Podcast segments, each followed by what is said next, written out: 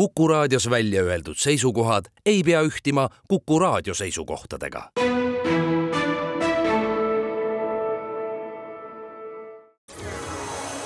loodusajakiri, vaata ka looduseajakiri.ee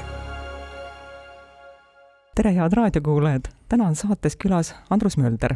majandusinimene, keda on huvitanud ja huvitab riigita rahvad, on ta nendest nii kirjutanud kui ka kõnelenud. tere, Andrus! Tere ka minu poolt! mina olen saatejuht Tiiu Rööp. ajakirja Horisont kolmandas numbris annate ülevaate Põhja-Ameerika põhjarahvaste minevikust ja olevikust, sellest, kuidas nad on elanud ja, ja kuidas nad elavad. kas see on juhus või kokkusattumus, et artikkel Horisondis ilmus üsna samal ajal, kui purjekas admiral Bellingshausen hakkab ajalugu tegema. see ei ole absoluutselt juhus, see on täiesti teadlik, teadlik valik.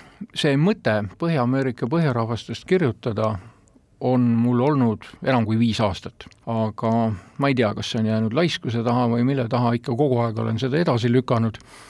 aga kui ma nüüd kevadel lugesin, et selline väga huvitav mereretk nii-öelda ette võetakse, siis see andis tõuke. Ja kui, kuna ma rääkisin siis Horisondi peatoimetajaga, siis selgus, et kenasti on võimalik lugu panna numbrisse, mis ilmub juuni algul ehk siis mõned nädalad enne selle pika mereretke algust ja, ja see tundus olevat küll väga ideaalne valik ja mul on olnud võimalus Tiit Pruulile ka isiklikult seda öelda, et see tema merereis siis on see põhjus, miks see lugu just nüüd ilmus. ajakirjast Horisont saab üsna hea ülevaate sellest, kuidas inuitid on elanud aga siiski küsin üle, kas saab kokku võtta, mis riik, on see Ameerika Ühendriigid, on see Kanada, on see Venemaa, on see Taani, on ajalooliselt inuitidega kõige julmemalt käitunud? Nende nelja riigi territooriumil on elanud neid väga erineval hulgal. Ja Venemaa all nad olid suhteliselt lühiajaliselt ja see piirkond ei olnud ju ka väga suur, see oli ainult Alaska aga seal koheldi neid küll selle väikese aja jooksul väga julmalt, tapeti massiliselt, sisuliselt oli eesmärk muuta sealsed inimesed kuulekateks orjadeks ja kõik, kes hakkasid vastu, need kuulusid hävitamisele. USA, kes siis ostis Alaska Venemaalt ära, käitus Alaska põliselanikega mõnevõrra paremini, aga, aga algul siiski kahjuks ainult mõnevõrra paremini Kanadas ja Taanis on sealsetel põhjarahvastel läinud palju paremini. Taanis on need kokkupuuted eurooplastega olnud küll väga pikaajalised, aga seal see eurooplaste poolne julmus ei saavutanud sellist äärmust, nagu ta mitmel pool mujal Ameerika maailmajaos põliselanike jaoks saavutas. Kanada puhul on oluline see, et sealsed põhjarahvad puutusid kolonistidega kokku väga hilja. Kanadas on mitmeid piirkondi, kus põliselanikud, just nagu ma ütlen, põhjarahvastest põliselanikud puutusid esimest korda kolonistidega kokku alles üheksateistkümnenda sajandi teisel poolel. ja see selline hiline kokkupuude tähendas seda, et nad pääsesid paljudest julmustest, mida põliselanike vastu oli kasutatud või rakendatud varem nii et see suhteliselt jah, hiline kokkupuude nagu mõnes mõttes neid Kanadas elavaid põhjarahvaid on päästnud. ja kui võrrelda laiemalt, siis Ameerika maailma ja põlisrahvad on sajandite jooksul kogenud sellist ülijõhkrat genotsiidi, mida meie siin ei oska ka parema tahtmise juures ette kujutada. see on võib-olla võrreldav ainult äh, Vene tsaaririigi poolt üheksateistkümnendal sajandil Põhja-Kaukaasias läbi viidud genotsiidiga. aga põhjarahvastel valdavalt on läinud natuke paremini kui ülejäänud Ameerika põhi, põliselanikel ja, ja paljuski tõesti seetõttu, et eh, need kokkupuuted kolonistidega valdavalt algasid natuke hilisemal perioodil. kui me tuleme tänasesse päeva, mis riik toetab inuite kõige enam, on see Kanada? see on ilmselt Kanada sest Kanadas on tõesti täna selline olukord, kus küllalt paljud inuitid saavad sotsiaaltoetust. kas see olukord on inuitide jaoks hea, see on iseküsimus.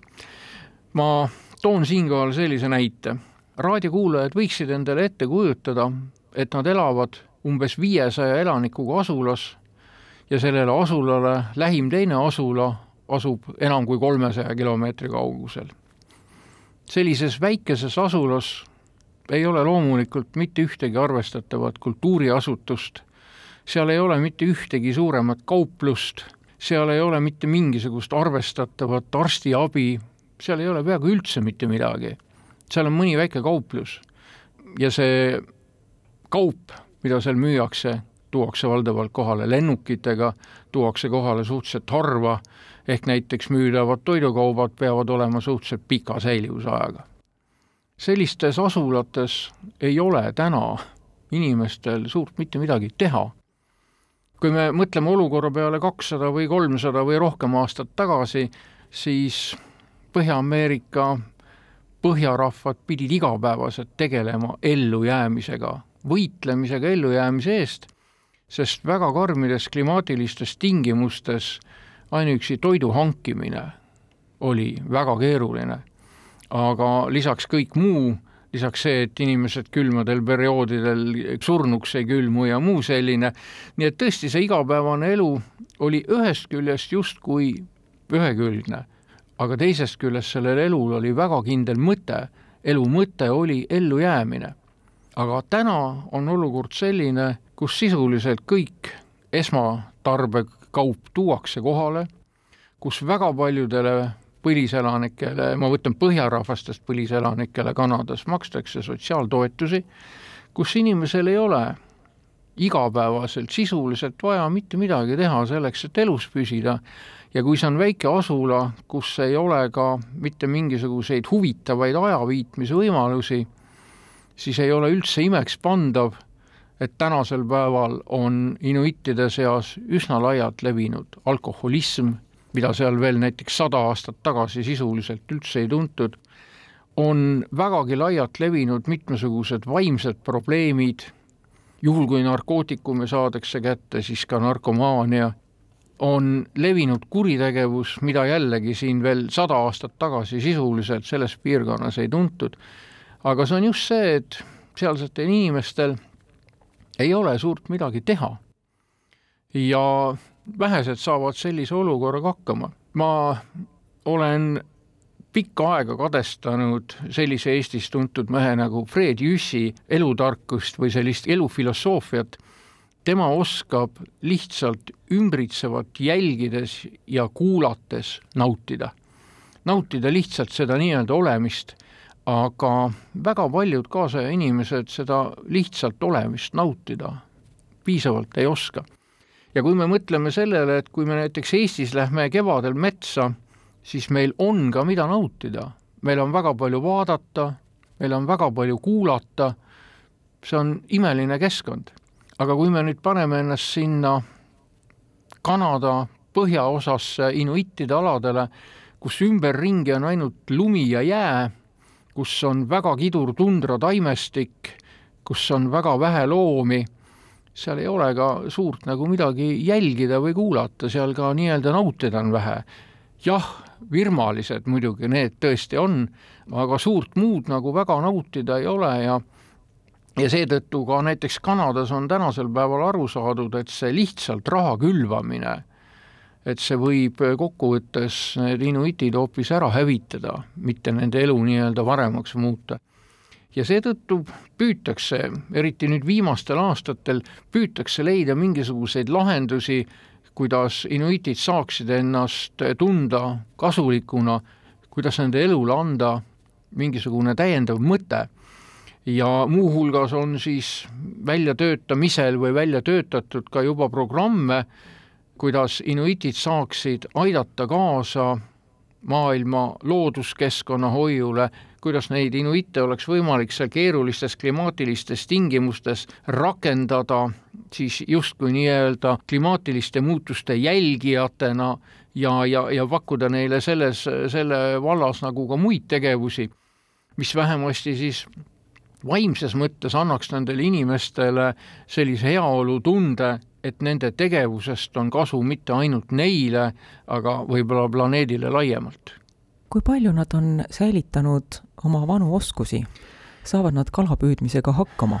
nojah, nende vanade oskustega on ka see, et, et paraku need vanad oskused on suuresti ära unustatud või nagu seal sellised ärksamad inimesed räägivad, et mehed ka lihtsalt ei viitsi, ei viitsi jahil käia, ei viitsi kala püüda, samas ka need oskused on muidugi vähenenud.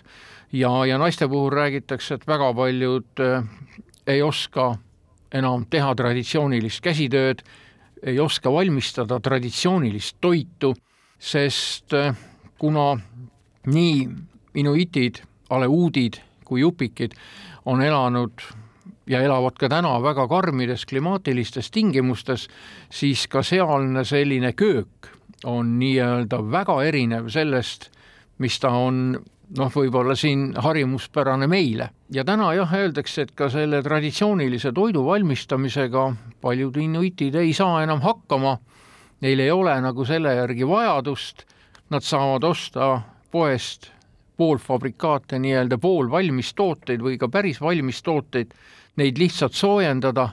Ja, ja seetõttu ka sellised oskused on jah kadunud ja loomulikult see aitab kaasa ka sellele, et nende rahvaste see homne päev on mõnes mõttes tume. muidugi viimastel aastatel on nüüd üsna palju hoogustunud kultuuriliikumine ja siin on väga palju kasu internetist, sest üldiselt on nii, et kõik need asulad, olgu need siis Kanadas, olgu need Gröönimaal või olgu need Alaskal, kõik need põhjarahvaste asulad on varustatud korraliku internetiga ja, ja see internet pakub siis seda omavahelist suhtlust ja, ja pakub ka näiteks tõesti võimalust nii-öelda kultuurivahetuseks, sest kui vahemaad on tohutu suured, siis ei ole mõeldav, et iga väikse kontsertikese pärast sõidetakse tuhande või kahe tuhande kilomeetri kaugusele, aga palju toimub siis nii-öelda interneti vahendusel. Ja mis puutub sellesse internetti, siis eh, eriti Kanadas on täna internetist kasu ka näiteks meditsiinis kui ma nüüd õigesti mäletan, vähemasti kakskümmend aastat on seal proovitud rakendada sellist meditsiini, kus eh, osades asulates on olemas siis sellised meditsiinipunktid, mis on varustatud kaameratega ja see tähendab seda, et arst saab neid patsiente jälgida vajadusel tuhandete kilomeetrite kaugusel. Rääkisite traditsioonilisest toidust ja ajakirjas Horisont olete te toonud ära ka ühe põliselanike magustoidu retsepti koostisosad. koosneb see loomsest rasvast, kuivatatud kalatükkidest või loomalihast ja metsamarjadest. on teil olnud võimalus seda proovida? ei ole olnud võimalust proovida ja, ja ma ei ole sugugi kindel, kas ma, kas ma nii-öelda, no ma ei ütleks julgeksin, aga et kas ma, kas ma oleks huvitatud sellise magustoidu proovimisest, sest mulle tundub, et see kalarasv või, või loomne rasv seal nende marjadega koos, no natuke tundub nagu ha mitte harjumuspärane olevat. aga kuna sealsed rahvad on sellist toitu söönud pikaajaliselt, siis nende jaoks jah, täna isegi mõnel pool öeldakse, et tegemist on tänasel päeval justkui isegi nagu delikatessiga, et mis kunagi oli nagu võib-olla üsna tavapärane ja täna väga tavapärane ei ole, et siis see on täna selline jah, nagu delikatessroog. kui hästi on inuitid alal hoidnud oma esivanemate keelt? kui nüüd rääkida Põhja-Ameerika põhjarahvaste keelekasutusest, esivanemate keelekasutusest, siis erinevates piirkondades on olukord vägagi erinev. no Gröönimaa inuitid väga valdavalt kasutavad grööni keelt, mis on siis inuktituti keele üks murre ja, ja Kanadas kasutatakse samuti küllaltki palju ikkagi oma esivanemate keelt, samas USA-s olukord kaugeltki nii ilus ei ole, seal on väga valdavalt ikkagi mindud üle inglise keelele ja, ja mõistagi on ka see üks faktor, mis ei aita kuidagi kaasa nende rahvaste säilimisele. ja põhjus selleks, miks oma keele kasutamine väga massiline ei ole, on väga lihtne.